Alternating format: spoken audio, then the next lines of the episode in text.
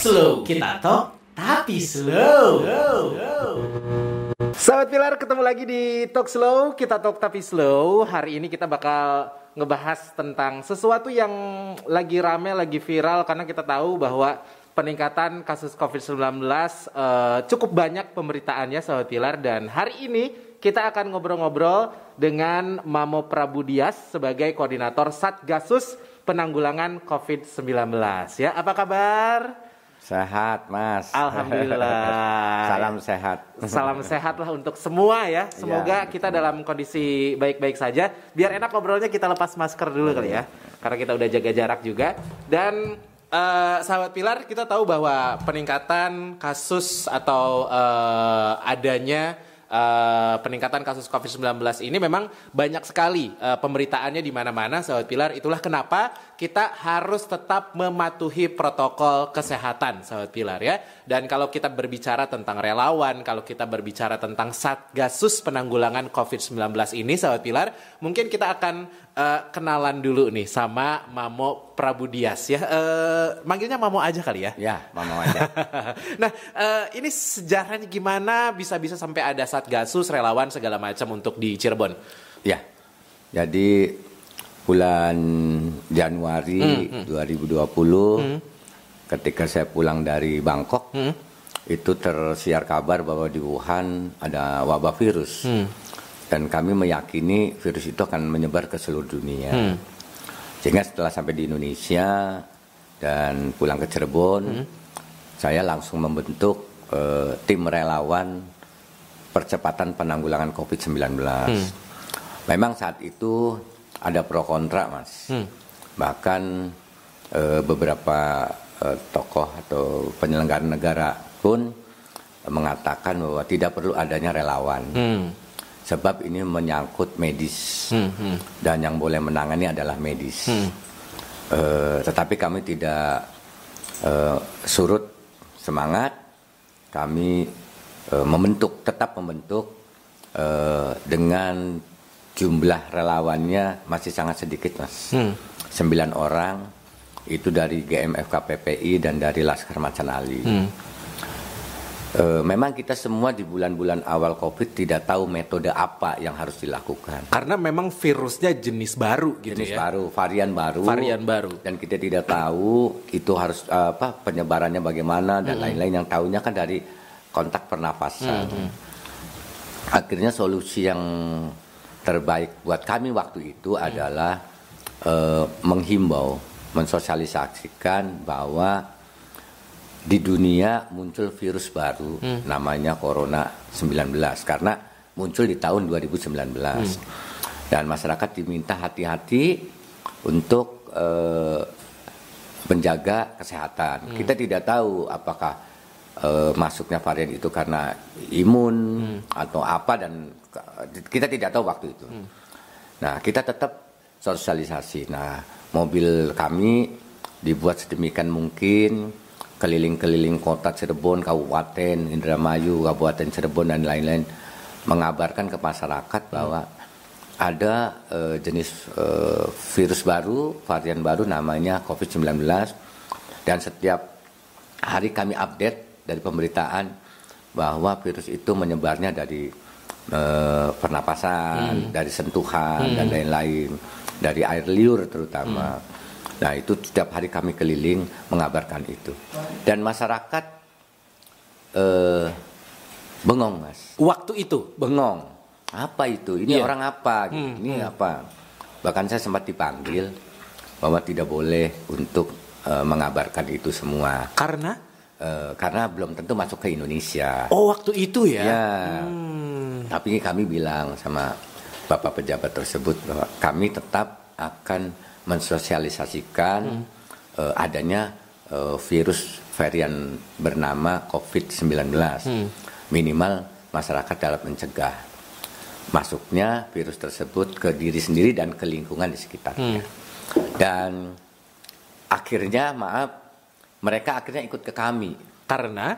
Ketika kami terus eh, melangkah kita bersosialisasi dengan dengan semua perlengkapan sendiri tanpa sumber dari yang lain dan dianggapnya efektif. Waktu itu baru sosialisasi ya, sosialisasi bahwa ada virus namanya corona. Akhirnya mereka ikut ke kami, rombongannya ikut ke kami, dan sampai saat ini ikut bergabung ke satgas kami. Nah, itu dia ya. Ini kalau berbicara perjalanannya kan berarti cukup panjang ya dari Panjang. awal 2020-an. Berarti pas awal-awal tuh dana sendiri segala macem. Terus kenapa sebegitu kekehnya untuk sampai membentuk relawan dan akhirnya terbentuklah Satgas gitu kalau sekarang. Ya, eh sangat panjang ceritanya. Dan sampai detik ini mas, bukan Iya. waktu itu aja. Sampai detik ini tidak ada satu rupiah pun dana bantuan dari pemerintah. Dana operasional Satu sehari-hari. rupiah pun buat relawan kita tidak pernah ada dari pemerintah. Sumber Sampai saya- pendanaannya? Nah, sumber pendanaannya dari urunan kami pribadi. Aduh, aduh. Eh, di Satgas ini ada beberapa elemen masyarakat yang tergabung. Misalnya ada GMF KPPI Iya. yang pastinya Macan Ali. Kemudian ada Forum Lingkungan Hidup dan Budaya. Ada PSMTI, ada INTI, ada Barisan Muda Tionghoa Indonesia. Kemudian ada teman-teman dari pesantren. Jadi ketika kita setiap hari dari pagi sampai tengah malam melakukan sosialisasi adanya virus Covid karena ada tahapan-tahapan ya Mas Iya. itu kami bensin sendiri, Iya. makan sendiri, Iya. minum sendiri, semuanya serba sendiri. Bahkan kami eh, bikin brosur nyetak itu dari fotokopi. Ah, belum belum belum ke tukang cetak nih kan? Belum ya? Iya. Karena memang keterbatasan dana. Batasan dan lain-lain lah. Ah, itu tahap pertama. Iya. Ketika virus itu sudah masuk ke Indonesia, ketika ditemukan dari Depok, Iya. Nah, mulai merebak. Hmm. Kita sudah punya eh, informasi yang paling bagus cara penanggulangannya untuk diri kita adalah memakai masker. Ketika itu. Ketika itu, nah saya coba mencari masker. Waktu itu satu dusnya masih harga 30.000 ribu mas. Awal-awal. Awal. Karena sempat naik tuh harga masker tuh. Itu setelah eh, booming di Iya. internasional harus pakai masker. Kap- Kita bisa mengumpulkan 17.000 masker. 17.000 ribu masker. Ya, beli banyak uangnya urunan. banget. Waduh, Ah. luar biasa. Kemudian kami membeli eh, masker dari kain di Tasikmalaya. Di Tasikmalaya Ya. kita beli yang satu seribu rupiah. Seribu rupiah. Ketika masker itu sampai 750 ribu per box yang isinya 50 eh, pieces, masker eh, kesehatan ya, Iya. masker eh, operasi. Dan kita ketika mereka susah cari masker, kita sudah membagikan masker ke mas ke masyarakat, ke Wow. pasar-pasar. Wow, luar biasa. Jadi memang eh, prosesnya di awal-awal cukup berliku, tapi karena kegigihan, Iya. eh, kemauan gitu ya, eh, ya rezeki ngalir begitu saja untuk saling Iya. membantu ya. Betul. Dan kami tidak pernah mengirim surat meminta sumbangan Ke pihak ke pihak luar selain dari satgas di kelompok satgas sendiri. Hmm. Jadi tidak ada surat minta keluar sumbangan apa. Hmm. Kita perlu ini, kita rundingkan, kita beli. Kita Hmm. gitu aja. Oh, jadi relawan benar-benar berkomunikasi internal untuk bisa men- menyelesaikan Ah, masalah ya. gitu ya yang ada. Nah, kalau ngomongin tentang eh, kondisi terkini di Cirebon sendiri seperti apa kondisinya? Karena kan kita dengar nih pemberitaan di mana-mana Jakarta, Bandung ada eh, kenaikan eh, kasus segala macam. Iya, kalau dari pengamatan kami, Hmm. saya tiap hari pagi, siang, sore selalu mengupdate informasi dari websitenya Hmm. Eh, eh, apa eh, Satgas Covid tingkat nasional, Hmm. provinsi maupun daerah. Saat ini bukan hanya Cirebon saja, Hmm. bukan hanya Jawa Barat, memang nasional itu Covid sedang up sangat tinggi. Diduga ini puncak periode kedua. Puncak periode, kedua. iya. Periode pertama kemarin ya, di bulan Oktoberan lah. Nah, sekarang puncak eh, kedua nih COVID di Indonesia. Nah, Untuk kabupaten dan kota Cirebon pastinya sangat tinggi sekali. Hampir di setiap RW itu ada yang terkonfirmasi COVID. Hmm. Nah, COVID sekarang sudah banyak varian. Iya. Orang mengenal ada alfa, ada delta gitu. Nah, itu varian yang terbaru di India kemarin itu eh, mempunyai gejala yang eh, bertambah.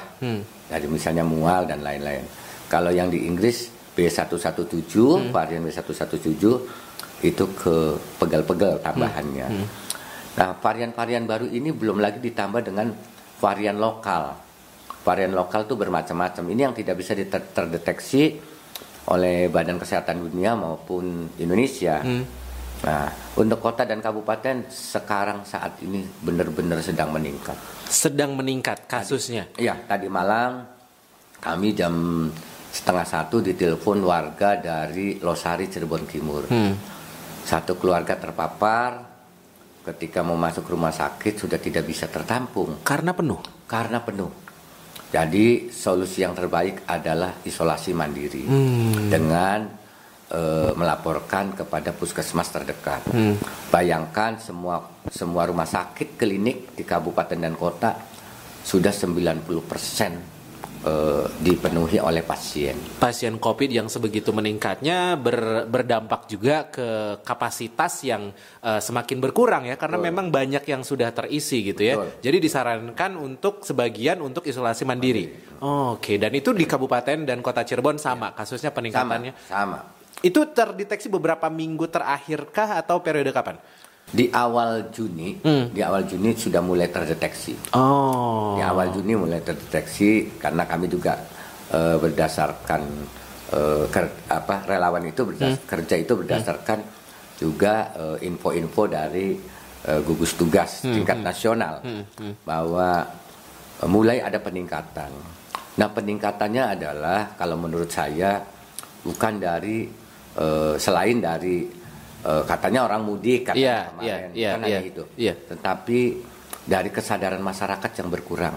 kesadaran masyarakat yang berkurang untuk menerapkan protokol kesehatan. Ya. Karena udah setahun lebih Ya. pandemi, orang-orang mulai ngerasa Jenuh. jenuh. Heeh, jenuh. Tetap itulah yang membuat kita kebobolan. Hmm. Jadi eh, sebetulnya prokes 5M itu sangat penting. Nah, masyarakat mungkin udah jenuh dan Iya. lain-lain. Sehingga eh, tidak sadar mereka tidak melaksanakan prokes itu. Contoh kecil adalah eh, dulu di periode pertama di mana-mana orang membawa hand sanitizer Iya, setuju banget. Oke. Setuju banget. eh, dan masker. Iya. Ya kan? Tetapi sekarang saya monitoring keliling kota Cirebon, Kabupaten Cirebon, Indramayu, Majalengka, jangankan membawa hand sanitizer, orang pakai masker saja sudah berkurangnya hampir 50%. Kalau ngelihat langsung di Iya, lapangan, di lapangan. kondisinya, Kondisinya memang, memang seperti begitu. itu. Orang yang sudah enggan menggunakan masker, Iya. bahkan hand sanitizer yang dulu harganya sempat melonjak Iya. karena semua er- Iya. orang pengen punya Iya, gitu ya. Sekarang udah jarang tuh yang kayak gitu. Sebenarnya ini kenapa, Mo? Eh, selain faktor jenuh eh, orang-orang yang udah mulai lalai dengan protokol kesehatan yang 5M itu. Eh, kalau saya dengan tim melakukan observasi, investigasi, analisa, mereka sudah jenuh. Itu yang pertama. Kedua, mereka melihat bahwa COVID sudah menurun. Iya, sempat kita dengar Ya. informasi seperti itu. Kemudian yang terkonfirmasi COVID juga dapat sembuh. Hmm. Nah itu yang membuat masyarakat pun lalai. Mungkin pemikiran ah COVID udah turun, Hmm. Iya. ah nanti kalau kena juga gam- eh, cepat sembuh kok, Hmm, nggak mati, misalnya nggak meninggal. Itu salah satu mungkin Hmm. yang membuat masyarakat akhirnya tidak mewaspadai adanya virus eh, corona. Iya, iya, iya. Nah, ketika Inggris dengan B117 merebak, ketika India kemarin merebak, masyarakat sudah acuh. Hmm, Gitu. iya iya Padahal iya. Itu warning, warning keras untuk kita di Indonesia eh, bahwa tidak menutup kemungkinan itu pun terjadi. Betul. Dan kalau ngomongin tentang eh, prokes atau protokol kesehatan, kita ingat banget eh, sempat di jalan di mana pun ada razia protokol kesehatan. Orang nggak pakai masker disanksi, Iya. sanksi sosial, denda segala macam. Eh, tempat usaha juga begitu. Apakah ada pengaruhnya ketika razia sudah mulai kendur gitu terus masyarakat kayak yang dulu memang ah takut kena razia nih gitu, takut kena denda segala macam. Hubungannya sama apa yang sekarang terjadi? Ya, eh dulu waktu awal-awal adanya eh, penerapan ketentuan eh, bagaimana aparat melaksana eh, mensosialisasikan Iya, betul. dan menekankan kepada masyarakat untuk melaksanakan prokes, masyarakat memang takut dan segan. Apalagi ada penyekatan di mana-mana. Iya. Tetapi sekarang masyarakatnya pinter, Mas. Masyarakatnya pinter. Iya, ketika di depan ada razia, baru maskernya dipakai. Oh. Ketika tidak eh, di dalam mobil atau memakai kendaraan umum atau motor, ah nggak ada petugas, dia tidak pakai masker. Hmm. Ya, tapi maskernya dikantongin gitu loh. Iya, iya, iya. Nah, itu salah satu Oke, oke. eh, yang terjadi di masyarakat. Itu pintar yang salah ya, Mo? Pintar yang salah. pintar yang salah ya, pintar yang salah. Jadi Seharusnya ya- kalau memang benar-benar pintar, gunakanlah masker. Ya, harusnya untuk begitu. kebaikan bersama. Betul, betul Itu sekali. pintar yang salah tuh kalau yang tadi ya, Mo ya untuk menghindari razia saja supaya eh, nggak kena razia akhirnya baru pakai masker kalau ada petugas gitu ya. Dan ini sih Mo masalah yang mungkin sering banget diupdate lah gitu. Eh, tiba-tiba ada orang yang kabur ketika isolasi mandiri misalnya. Terus ada orang yang nggak mau divaksin Iya. karena terpengaruh sama hoax yang ada di media sosial gitu. Kalau menurut Mamo kenapa sih orang-orang masih ada yang percaya sama hoax tentang COVID-19 padahal udah jelas korbannya banyak sekali dan itu sangat miris. Ya. Yang pertama ketika ada isolasi mandiri Iya. misalnya eh, yang terkonfirmasi diisolasi di rumah sakit, mereka kabur. Kabur. Ya. Ya biasanya itu orang-orang yang OTG Hmm, hmm. tanpa gejala. Iya. Tapi kalau yang terpapar udah terkonfirmasi dan terpapar, Hmm. mereka tidak kabur. Tapi yang udah terkonfirmasi kemudian OTG Hmm. dimasukkan ke isolasi mandirinya di rumah sakit, pasti kabur. Hmm.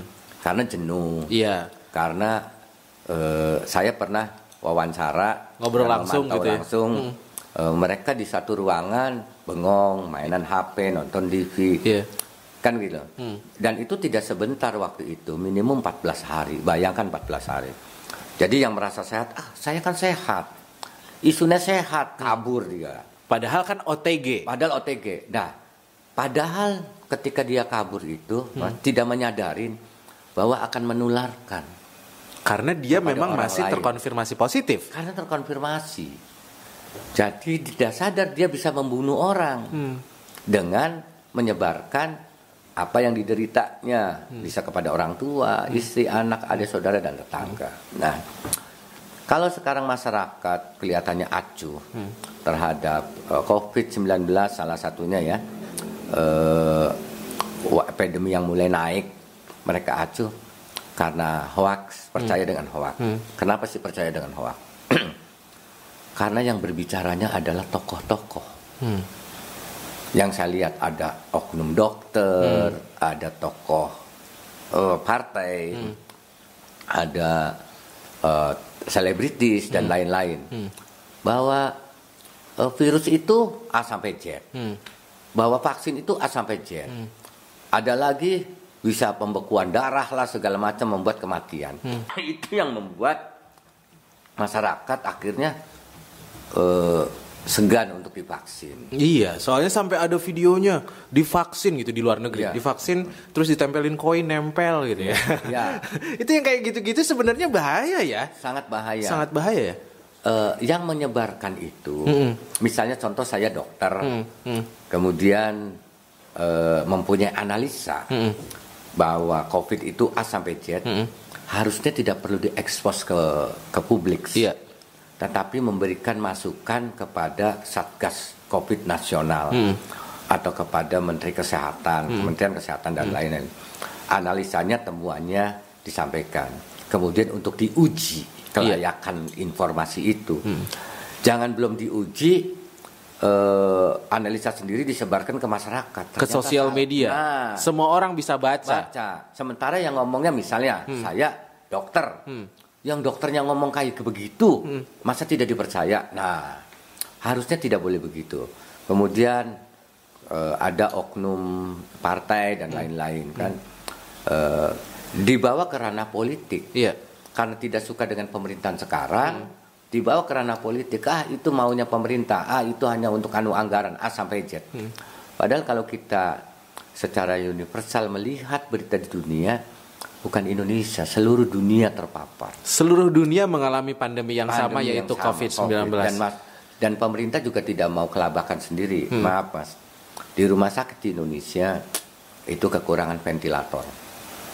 Bukan hanya di Indonesia, di seluruh dunia. Hmm. Ketika saya membantu 6 ventilator senilai 4,5 miliar, hampir 4,5 miliar ya. Cuma-cuma kepada beberapa rumah sakit eh, itu salah satu asisten Kabupaten Cirebon mengatakan be- begini. Pemda mencoba membeli ventilator Hmm. kepada perusahaan produksi ventilator di luar negeri dengan harga hampir 800 juta. Indennya 10 bulan. Iya. Setelah 10 bulan uangnya dikembalikan. Kecuali mau indennya 2 tahun. Hmm. Itu seluruh dunia rumah sakit, klinik, poliklinik dan lain-lain kalau di luar negeri ada puskesmas, masuk puskesmas itu membutuhkan ventilator. Ventilator itu adalah alat bantu pernapasan elektrik untuk eh, pasien penyakit apa pun yang eh, harus disuplai oksigen murni. Bayangkan berapa mil, juta ventilator dibutuhkan di dunia Di seluruh dunia. di seluruh dunia. Makanya eh, pemerintah tidak akan menyusahkan diri sendiri dengan mengada-ada bahwa virus itu ada padahal nggak ada. Karena memang dibutuhkan ventilator, alat kesehatan yang begitu mahal dan sulit. Dan melihat kondisi itu kami bekerja sama dengan salah satu perusahaan eh, di mana perusahaan tersebut mampu membuat ventilator dan alhamdulillah kemarin eh, pandemi Covid yang melonjak di Kudus eh, kami membantu 6 ventilator Wow. 5 ventilator hampir berapa miliar gitu. Wow, wow, itu itu jumlah yang sangat besar secara nominal rupiah dan juga eh, arti yang sangat besar untuk yang dibantu karena ventilator itu salah satu alat yang sangat dibutuhkan ya, Sangat sekali. sangat-sangat terutama dibutuhkan. untuk eh, pasien COVID ya. Hmm, hmm, hmm. Kemarin saya eh, ngontrol ventilator yang di kami bantu Hmm. di Rumah Sakit Arjawinangun dua, Rumah Sakit Walet dua, Hmm. dan kemarin kami eh, merancang bangun ventilator di Rumah Sakit Gunung Jati. Iya. Dan alhamdulillah itu sangat bermanfaat. Eh, respon dari mereka ketika mendapatkan bantuan ventilator?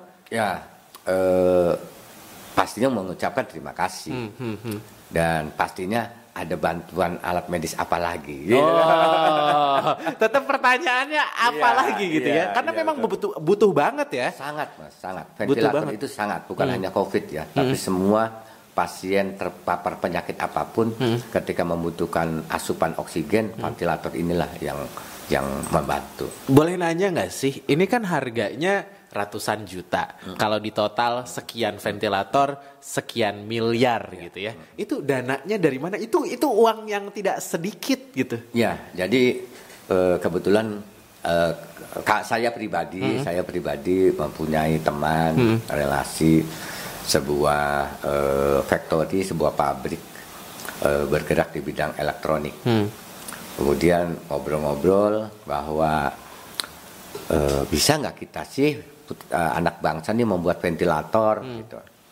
Direspon sama mitra kami, oh bisa saja kalau memang mau buat sih, toh begitu-begitu saja ya. Tapi kok mahal sekali. Iya.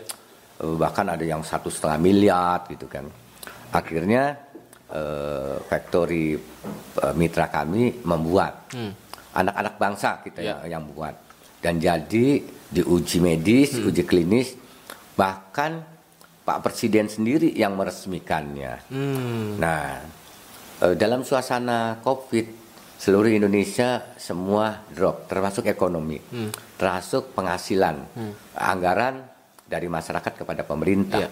Jadi anggaran pemerintah sangat minim eh, karena terfokus kepada yang terpapar.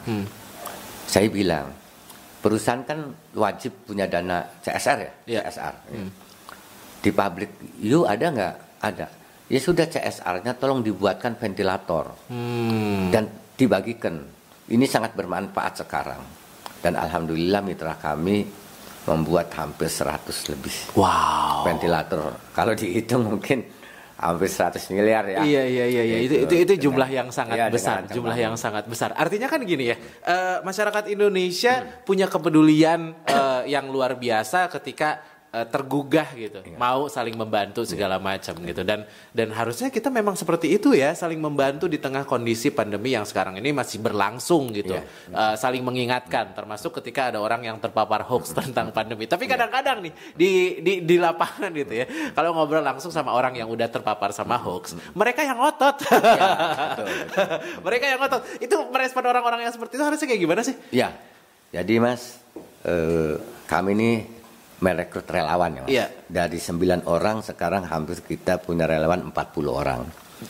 Ada dokter, ada pengusaha, bahkan ada tukang beca. Hmm. Nah, ketika kami eh, melakukan tahapan bagaimana sosialisasi tentang Iya. bahaya Covid itu dari mulai sosialisasi uar-uar ke masyarakat, pembagian masker, ketika mulai ada lockdown di mana-mana, ekonomi mulai agak ambruk nih Iya. karena semua bidang usaha close. Nah, kami membagi-bagikan sembako, Mas Hmm. kepada eh, orang yang usahanya membual, menjual jasa. Iya. Misalnya contoh supir angkot, kemudian eh, tukang beca, guru ngaji, kemudian eh, pedagang asongan, kemudian buruh angkut. Nah itu kami bagikan. Kemudian setelah itu eh, kita melakukan penyemprotan disinfektan. Ketika pemerintah membag- menyemprotkan disinfektan di jalan raya, Iya. kami nangis, Mas. Karena Virus COVID itu kalau kena panas di atas 50 derajat pasti mati. Iya. Jadi kalau virus itu di jalan nggak perlu disemprot disinfektan yang saat itu lagi langka. Hmm. Nah sekarang disinfektan langka dimasukkan ke pemadam kebakaran disemprotin di jalan-jalan di trotoar. Saya nangis kenapa? Saya punya tim khusus untuk melakukan penyemprotan disinfektan. Kalau Mas mau tahu sangat kesulitan mencari disinfektan Saat itu. saat itu. Padahal kami punya duit jutaan. Iya, iya, iya. Kalau sekarang beredar di masyarakat, eh, bikin aja sendiri. Ada Baiklin, ada segala macam, ya kan? Ada obat pemutih lah, Iya. ada Wipol lah. Bisa dibayangkan nggak mas? Ketika kita semprotkan di tempat-tempat yang tersentuh tangan, anak kecil, ketika sudah disemprotkan disinfektan buatan sendiri dengan bermacam-macam alat pembersih, pegang tangannya ke situ, kemudian makan gorengan atau makan kue, masuk tertelan, mati, meninggal. Bahaya juga. Bahaya juga. Oh. Jadi kami yang cari yang go green. Hmm. Dan alhamdulillah kami bisa membeli eh, disinfektan go, go green di Jakarta dan kami menggunakan itu. Oh. Dan alhamdulillah Mas, Ya. hampir 110 ribu tempat kami semprot disinfektan gratis. Di wilayah Kota dan Kabupaten Cirebon. Wah. Bahkan sampai ke Tegal. sampai ke Tegal. Karena di Tegal minta. Ada ada sekelompok komunitas meminta di Tegal. Akhirnya kami berangkat ke Tegal. Untuk menyemprotkan Ya. disinfektan. Dan seluruh puskesmas yang ada di Kota Cirebon kami yang nyemprot. Wih, luar biasa ya. Sem- apa eh, tempat ibadah, masjid, vihara, pura itu kami yang nyemprot. Gratis, Mas. Gratis ya. Gratis. Padahal waktu itu sempat langka banget tuh disinfektan ya. Langka sekali. Oke. Makanya kenapa kami menangis? Kami perlu disinfektan tuh urunan, Mas. Hmm. Bahkan ada namanya tukang beca namanya Arifin. Dia ngebeca dari 4 pagi sampai jam 9 pagi. Setelah ngebeca asal dapat duit, dia jadi relawan sampai jam 12 malam tanpa dibayar. Oh. Melakukan penyemprotan disinfektan, membagikan masker, ngasih sembako, tidak memikirkan diri sendiri. Itulah relawan. Relawan yang memang tujuannya mulia untuk membantu Untuk gitu ya. membantu. Untuk membantu. Itu dulu. perjalanan kita.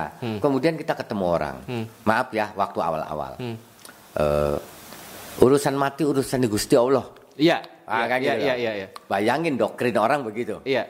Sementara eh, ini masyarakat harus percaya adanya COVID. Iya. Karena udah terbukti di Wuhan dan bahkan di Ethiopia di mana-mana sudah tergeletak orang. Akhirnya saya menghadapi orang yang doktrinnya begitu, Mas. Urusan mati urusan Gusti Allah. Kan gitu loh. Iya. Covid juga belum tentu ada. Hmm. Bayangin. Ah, apa yang harus kita hadapi? Hmm. Saya mendatangi ulama-ulama. Apakah pernah ada wabah Hmm. di zaman dulu, Hmm. terutama di zaman Rasulullah? Ada salah satu kiai bilang begini, e, dulu saat e, Umar, ah, Sayyidina Ali hmm. dengan membawa ribuan orang hmm.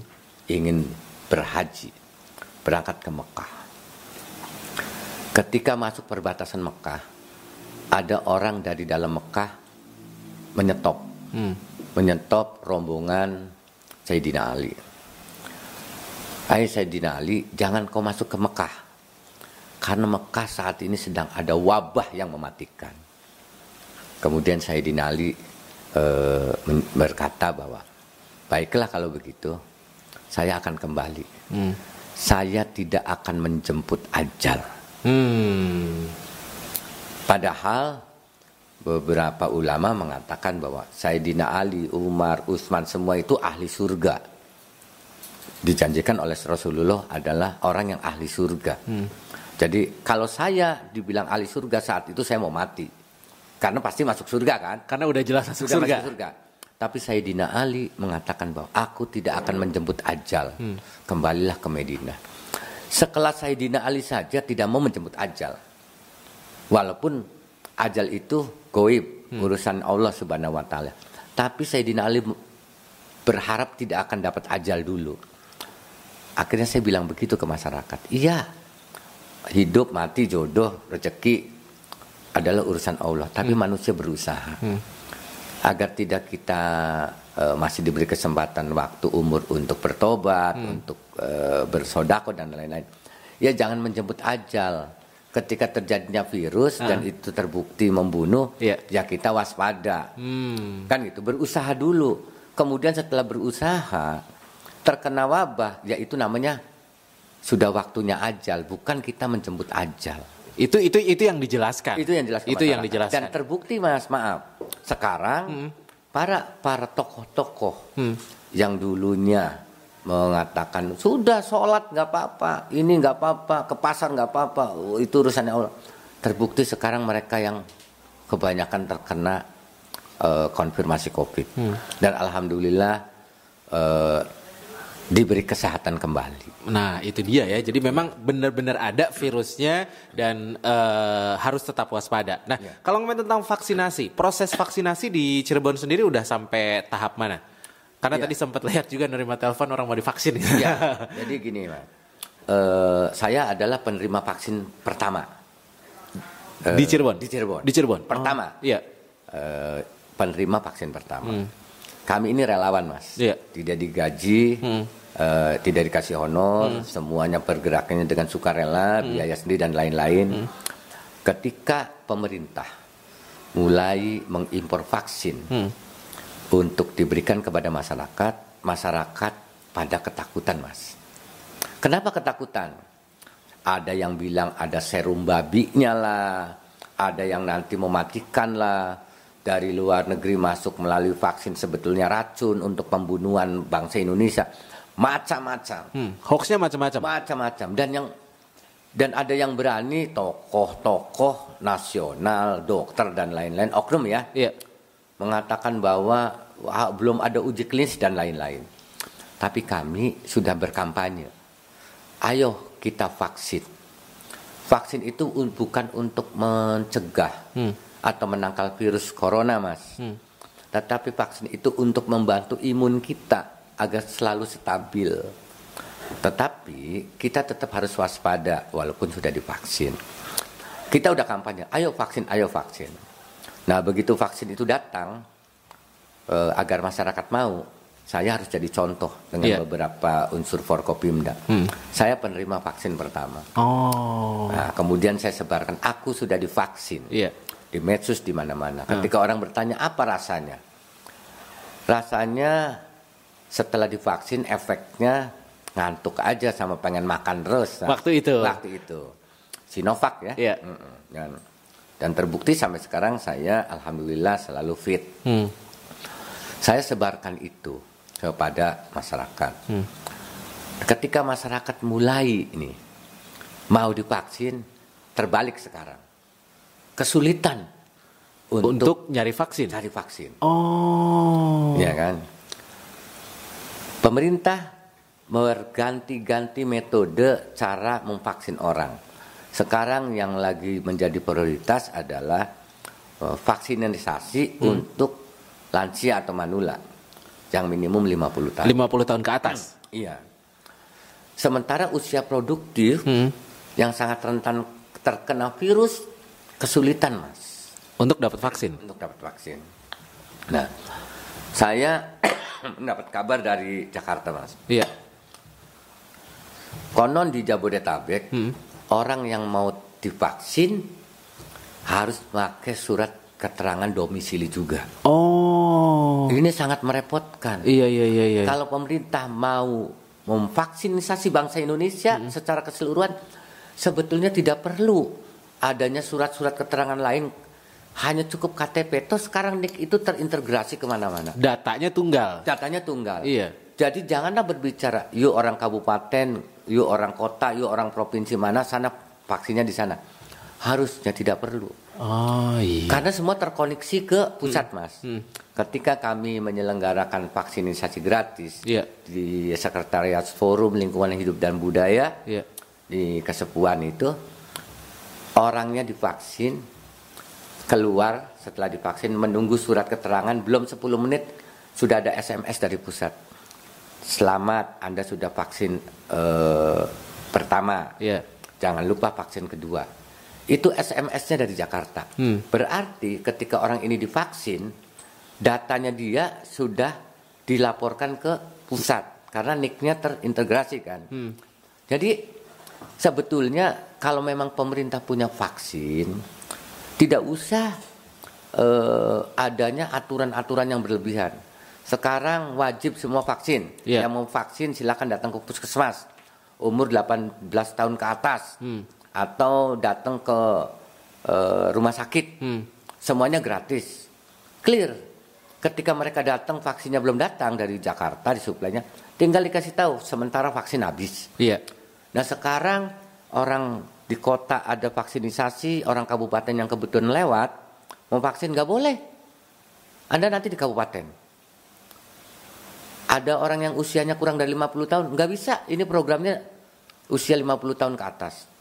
Nah, kalau terus begini, vaksinisasi akan terhambat. Hmm, jadi idealnya memang uh, ketika pro program vaksinasi nasional ya sudah nasional berlaku untuk siapa pun yang saat itu sedang ada. ingin divaksin ya, ada. Ada. Mau gitu ya? kan kita kan sekarang kita keterangan penduduk kita hmm. NIK itu berlaku seluruh Indonesia. Benar. Walaupun pindah rumah. Iya. Dan sekarang ketika saya lagi lewat belum uh, divaksin di uh, Sumedang, saya uh, orang Cirebon. Uh, Wah, ada vaksinisasi nih. Yeah. Kita daftar ya dilayani dan boleh harusnya. Harusnya. Toh tidak bisa dua kali, Mas. Hmm. Jadi kalau orang udah divaksin tahap yeah. pertama, tahap kedua. Hmm. Tiba-tiba satu, dua, tiga, lima, satu tahun, dua tahun yang akan datang, saya mau vaksin lagi yeah. di iya. tempat lain. Uh. Begitu diakses datanya, itu datanya itu sudah tertera, sudah divaksin. Jadi kami tidak bisa divaksin lagi. Tuh, kan harusnya gitu ya. Harusnya itu gitu. berjalan. Eh, Cuma uh, mungkin dari jumlah vaksinnya yang yang tidak tidak tidak cukup untuk uh, serentak. Ya. Ketika bulan ketika bulan Agustus September, yeah. uh, Menteri Erick Thohir hmm. sama Bu Rini Suwandi hmm. uh, eh Bu Sri Mulyani hmm. pergi ke Cina. Hmm.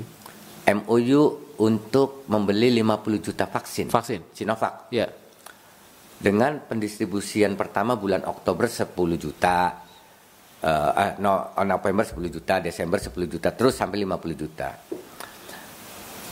Mungkin realisasinya tidak sebegitu mudah, ya pengirimannya karena uh, seluruh dunia membutuhkan itu, jadi dibagi-bagi.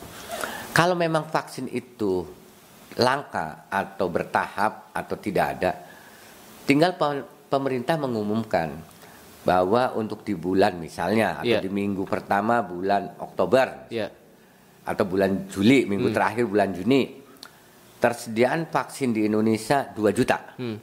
yang akan disebarkan ke 400 sekian daerah tingkat 2 jadi kebayang daerah tingkat 2 cuma dapat berapa silakan yang mau vaksin di puskesmas atau rumah sakit terdekat Ketika kita datang ke puskesmas, kalau memang tidak ada, ya sudah dibilang vaksin belum datang. Hmm. Selesai, mas. Iya iya iya. Ya, kan? Iya. Ke rumah sakit vaksin belum datang. Hmm. Selesai. Iya iya iya. Tidak perlu harus ada eh, kota kabupaten ini jatah kota ini jatah kabupaten harusnya tidak begitu. Skala prioritas misalnya sekarang lansia dulu gitu ya. Kalau kalau pertimbangannya lansia dulu kenapa sih tidak tidak usia produktif yang kita-kita nih interaksinya sama orang asing sering gitu. Ya, saya pernah mengusulkan juga. Iya. Kita bukan bukan kurang ajar atau kualat ya. Iya. Tidak tidak memikirkan keselamatan kesehatan orang tua. Hmm. Orang tua di atas 50 dan 60 tahun itu apalagi 60 tahun itu sudah jarang berinteraksi dengan orang. Bener, di rumah Banyaknya gitu. di ya. rumah. Hmm. Karena untuk ya maaf, ada yang sakit, ada yang segala macam. Berinteraksinya berkurang sementara usia produktif itu yang sangat intens. Hmm. Nah, pengennya kami adalah usia produktif dulu. Untuk manula nanti atau yang sudah terkonfirmasi Covid kemudian sembuh nanti. Hmm. Ini untuk ma- eh, usia produktif dan yang belum pernah terkena Covid kan. Tetapi seperti berteriak di padang pasir, Mas. Nggak ada yang denger. Tidak ada yang menanggapi. Padahal sudah bikin surat resmi ke mana-mana kan. Iya, iya, iya, iya. Itu kira-kira lah. Tapi kan memang programnya sudah berjalan. Mudah-mudahan sih vaksinasi benar-benar bisa berjalan dengan lancar dan masyarakat yang memang sudah mendapatkan panggilan, sudah mendapatkan undangan untuk vaksinasi eh, segera berangkat gitu. Jangan jangan ragu untuk divaksinasi karena memang untuk kebaikan bersama gitu ya. Eh, begini Mas, sekarang tidak ada undangan. Tidak ada undangan. Tidak undangan, Oh. tidak ada pemberitahuan menurut saya. Iya. Justru masyarakatnya yang sekarang mau jemput bola. Hmm, masyarakatnya yang Jadi ingin. tidak diundang, masyarakat yang mencari sekarang ada vaksin di mana, ada Iya. vaksin di mana, gitu loh. Karena ingin divaksin, kesadarannya sudah muncul. Bagus berarti ya untuk itu ya. Iya, tapi sayangnya pemerintah mungkin stok vaksinnya, impornya masih bertahap dan kurang, sehingga ya mempunyai metode untuk memperpanjang atau menghambat yang lain-lain. Ya itulah ada aturan-aturan baru, Oh. 60 tahun dulu ke atas, Iya, iya, iya, harus iya. ada domisili yang prosesnya sangat sulit juga. Iya gitu iya iya. Kesan kesannya rumit gitu ya. rumit Kesannya gitu. Ya, rumit padahal gitu. sih saya tahu mungkin ya ini Iya. eh, analisa saya eh, untuk eh, supaya impornya kan bertahap, Bertahap. nih. Ah, ah. Eh, jangan sampai tahu kekosongan lah Iya, iya. eh, vaksin Hmm. jadi dengan meng- bukan menghambat sih sebetulnya jadi memperpanjang lah gitu Nah, supaya supaya proses vaksinasinya tetap berjalan. Jalan, Iya gitu. iya iya iya gitu. Jadi memang secara antusiasme vaksinasi sudah mulai eh, terlihat tuh masyarakat eh, merasa ingin divaksin gitu. iya, Dan sangat. mudah dan mudah-mudahan pemerintah juga bisa tuh menyanggupi dalam tanda kutip keinginan masyarakat untuk divaksin dengan jumlah vaksin yang juga sesuai dengan kebutuhan dari eh, masyarakat Indonesia gitu ya. ya itu pemerintah pusat ya Ya, pemerintah pusat. Pemerintah pusat tuh harus segera Hmm. dengan berbagai cara eh, memenuhi eh, kebutuhan vaksin di Indonesia Hmm. yang sekitar 200 juta lebih dengan berbagai cara. Dengan berbagai Ya, cara. karena di daerah, Hmm. di daerah tuh menunggu, menunggu vaksin dari pusat. Eh, tetapi sekarang suplainya kan misalnya contoh eh, dinas kesehatan kota Cirebon meminta vaksin Hmm. Iya. ke Jakarta tuh 8.000 vaksin, Hmm. yang datangnya 1.000 mas, Jauh banget dong sangat jauh sekali. dari permintaan. Iya, jadi bukan kesalahan di daerah sebetulnya. Iya. Kalau kita kita tidak berbicara salah dan benar. Eh, di daerah tidak boleh disalahkan karena memang suplainya segitu. Ah, sekarang tinggal pemerintah pusat bagaimana segera mengimpor vaksin. Itu yang pertama, Pak. Terus yang kedua, Mas, ini di masyarakat kan selalu bertanya kalau mau divaksin. Iya. Vaksinnya apa? Nah, itu tuh yang sering banget dipertanyakan ketika antusiasmenya sudah mulai banyak. Sekarang udah mulai nanya-nanya merek. Iya. Sinovac atau AstraZeneca? Iya, benar. Sinovac atau semua rata-rata begitu. Iya. Kenapa begitu? Karena ya itulah eh, orang tua orang tua kita juga yang pinter-pinter nih Hmm. di pusat tuh selalu eh, mengambil panggung kali ya Iya. oknum-oknum orang tua kita nih eh, supaya dianggap pinter dan hebat mengatakan bahwa vaksin ini dampaknya ini vaksin ini dampaknya ini sehingga membuat orang takut Hmm. Gitu loh. Beda dengan saya mas, Iya. ketika mau divaksin pertama sebagai sampel, saya bukan takut vaksinnya, Tapi takut jarumnya. nah, Iya, iya, iya. kemudian mas, akhirnya muncul Hmm. eh, hoax Iya. bahwa kalau Sinovac begini, Hmm. AstraZeneca begini. Hmm. Sehingga orang, oh Sinovac sih efeknya misalnya, Iya. efeknya tidak berat cuma ini. Kalau AstraZeneca katanya eh, pembukuan darah dan lain-lain. Sebetulnya tidak juga. Iya. Sama dengan anak-anak kita dulu diimunisasi. Kalau sudah diimun, pasti satu dua hari ada demam, agak demam. Kenapa demikian? Ya karena kan eh, si serum itu beradaptasi dengan meto, eh, metabolisme tubuh kita. Jadi wajar kalau ada kontra di dalam, tapi kemudian akhirnya eh, bisa menyambung. Itu semuanya wajar. Semuanya wajar. Ya, wajar. Jadi jadi, jangan jadi janganlah jangan takut, jangan nanya merek. Iya. yang mana nih? Yang mana Iya. nih gitu ya. Padahal Iya, sih eh, yang pastinya sudah uji klinis dan sudah uji medis dan sudah disetujui WHO. WHO itu eh, Badan Kesehatan Dunia. Iya. Apa pun orang ngomong WHO, tapi buat saya bahwa WHO adalah Badan Kesehatan Dunia yang bertanggung jawab untuk semua jenis vaksin yang diproduksi oleh berbagai negara dan disebarkan ke seluruh warga dunia untuk digunakan. Saya kira itu jauh sekali kalau misalnya ada misi-misi hal yang aneh-aneh Yang lah ya aneh, yang yang yang sering banget kita baca Iya, di iya. hoax-hoax itu Iya, ya iya. gitu ya dan berarti vaksinasi sudah kemudian juga eh, masyarakat juga memang harus lebih sadar lagi Iya. untuk tetap menerapkan protokol kesehatan Iya. gitu dan eh, ke depannya langkah-langkah yang dilakukan oleh relawan itu apa aja mungkin Ya. target-targetnya Ya, jadi sekarang relawan itu eh, piket ya 24 jam kita di posko Satgas relawan Covid. Eh, tetap kami terus bergerak berso- mensosialisasikan masyarakat bahwa jangan lengah dengan virus corona 19 sebab berdasarkan informasi dan laporan bahwa muncul varian-varian baru eh, yang lebih katanya lebih ganas gitu loh kan seperti di India dan di Inggris. Nah, itu tetap harus diwaspadai. Kita tetap sosialisasi bahwa walaupun kita sudah divaksin, kita tetap waspada. Prokes 5, sekarang sudah 6 Mas. 6M Iya, M yang keenamnya itu vaksin. oh Ayo kita laksanakan 6M. Hmm. Salah satunya ayo kita vaksin juga. Jadi udah 6M kita. mau divaksin gitu ya Iya, mau divaksin. Nah, itu tetap harus kita pegang. Hmm.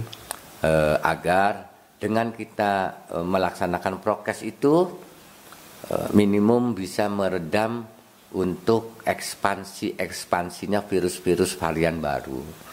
Termasuk virus-virus yang muncul-muncul di lokal. Hmm.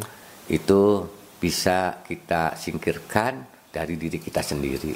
Oke, dan untuk kantornya, eh, lokasinya eh, Satgasus di mana tempatnya? Eh, Jalan Alun-Alun Timur nomor 37 Kesepuan, Mas. Mhm. Di sana 24 jam. Jadi saya juga eh, terus ber, ber apa ya beriklan Hmm. ke mana-mana eh, bahwa apabila membutuhkan bantuan, misalnya untuk penyemprotan disinfektan eh, di rumah warga yang terpapar, Hmm. di kampung, baperkam, tempat ibadah, silakan menghubungi kami gratis. Gratis. Gratis. Tidak dipungut biaya. Ya, dan program kami juga eh, bakti untuk negeri ini akan terus berjalan minggu depan. Kami akan membagikan eh, ribuan sarung karet, Hmm. sarung tangan karet kepada eh, misalnya eh, penyapu jalanan, Hmm. kemudian eh, penjual pasar ya, di pasar tuh, Iya. soal sayur, ikan dan lain-lain. Kemudian tukang sampah, kita akan bagikan kaos karet, kaos tangan karet, Hmm. sehingga eh, minimal bisa bersih tangannya.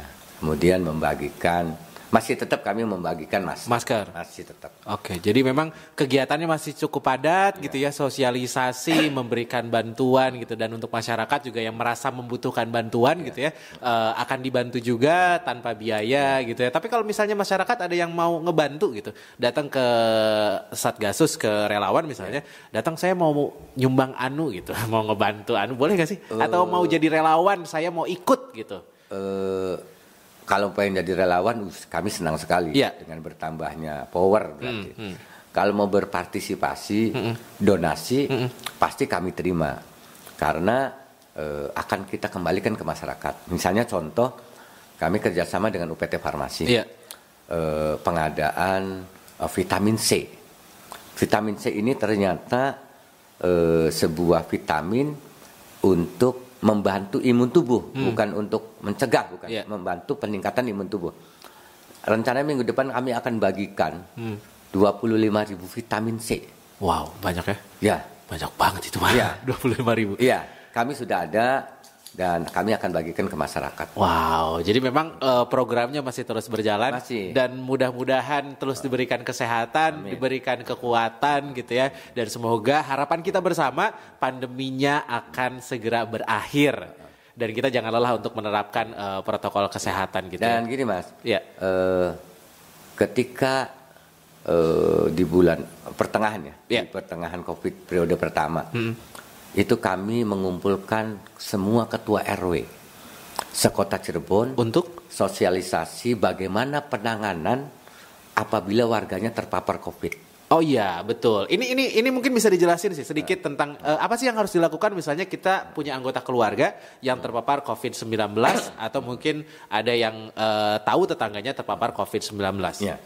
Jadi kami mengumpulkan hampir seluruh RW, 200 sekian RW, 60 sekian RW sekota Cirebon di satu tempat. Iya. Kami mengundang tutor dari Dinas Kesehatan, Satgas Covid, pesertanya kemudian pulang dikasih eh, petunjuk-petunjuk, Mas. Jadi apabila kita mempunyai tetangga atau keluarga yang terkena Covid, nggak usah panik, Mas. Yang pertama orang tersebut eh, ditaruh di sebuah tempat, misalnya eh, keluarga kita lah. Iya. Ya sudah di kamar saja. Hmm. Heeh. segala kebutuhannya kita suplai. Kemudian jaga jarak. Iya. Kalau satu rumah jaga jarak. Jangan terlalu dekat gitu kan. Eh, kurangi interaksi, eh, ngobrol dan lain-lain. Eh, begitu juga setelah itu laporlah ke puskesmas terdekat sehingga nanti eh, para medis akan menilai perlu karantina di luar rumah atau tidak. Begitu juga untuk warga. Iya. Apabila kita ada warga yang terkonfirmasi COVID, yang pastinya kita laporkan ke aparat RT RW ya, kemudian puskesmas terdekat. Dan yang terkonfirmasi itu tidak boleh keluar dari rumah. Apabila eh, dia kepala rumah tangga atau satu keluarga, kita warganya berkewajiban membantu logistik. Oh iya, itu Ya. yang sering lupa Iya, bahwa harus orang yang kena COVID-19 ilas- isolasi mandiri di rumah juga masih butuh makan, Makanan. masih butuh minum Iya. dan itu butuh bantuan dari warga Ya, sekitar dari kadang-kadang. warga sekitar Iya. kita harus peduli. Iya. Nah, itu yang kami sarankan kepada Alhamdulillah ternyata eh, meleset dari dugaan kami. Ketika kami sosialisasi misalnya dua jam, ternyata bisa empat jam. Kenapa empat jam? Ternyata banyak ketua RW yang tidak tahu. Dan akhirnya bisa tahu juga. Akhirnya bisa tahu. Jadi banyak dialog, banyak pertanyaan. Dan kami sangat bergembira ternyata direspon. Kemarin kami eh, ketika menjelang sekolah tatap muka, kami kemarin tanggal eh, awal Juni Iya. melakukan sosialisasi eh, percepatan penanggulangan COVID dalam rangka menghadapi belajar tatap muka. Kami mengundang semua kepala sekolah SD, SMP, dan SMA sekota Cirebon. Alhamdulillah sukses juga. Sukses dan juga. itu semua biaya sendiri. Oh. semua iya. peserta dikasih eh, mini bag yang isinya hand sanitizer, sabun, masker, buku petunjuk, Iya. vitamin dan lain-lain. Oh, jadi memang eh, sosialisasi itu terus dilakukan Terus gitu ya ke warga secara langsung. Iya. Yang mau PTM pihak Iya. sekolah juga diundang secara langsung iya. dan memang informasi-informasi itu harus terus disampaikan Betul. supaya bisa sampai ke masyarakat dengan baik bahwa kita memang ada di tengah-tengah pandemi dan hal-hal yang berkaitan dengan protokol kesehatan harus tetap dilakukan ya. Terima kasih Mamo Prabudia sudah ngobrol-ngobrol di Talk Slow Iya. dan semoga terus terjaga kesehatannya, Insyaallah, amin. bisa terus semangat karena memang sepertinya aktivitasnya padat Ya. sekali ya. Minta doanya dan supportnya dari seluruh warga bangsa Hmm. bahwa kami relawan tidak akan pernah berhenti. Kami tetap semangat bakti untuk negeri agar eh, semuanya kembali normal. Normal.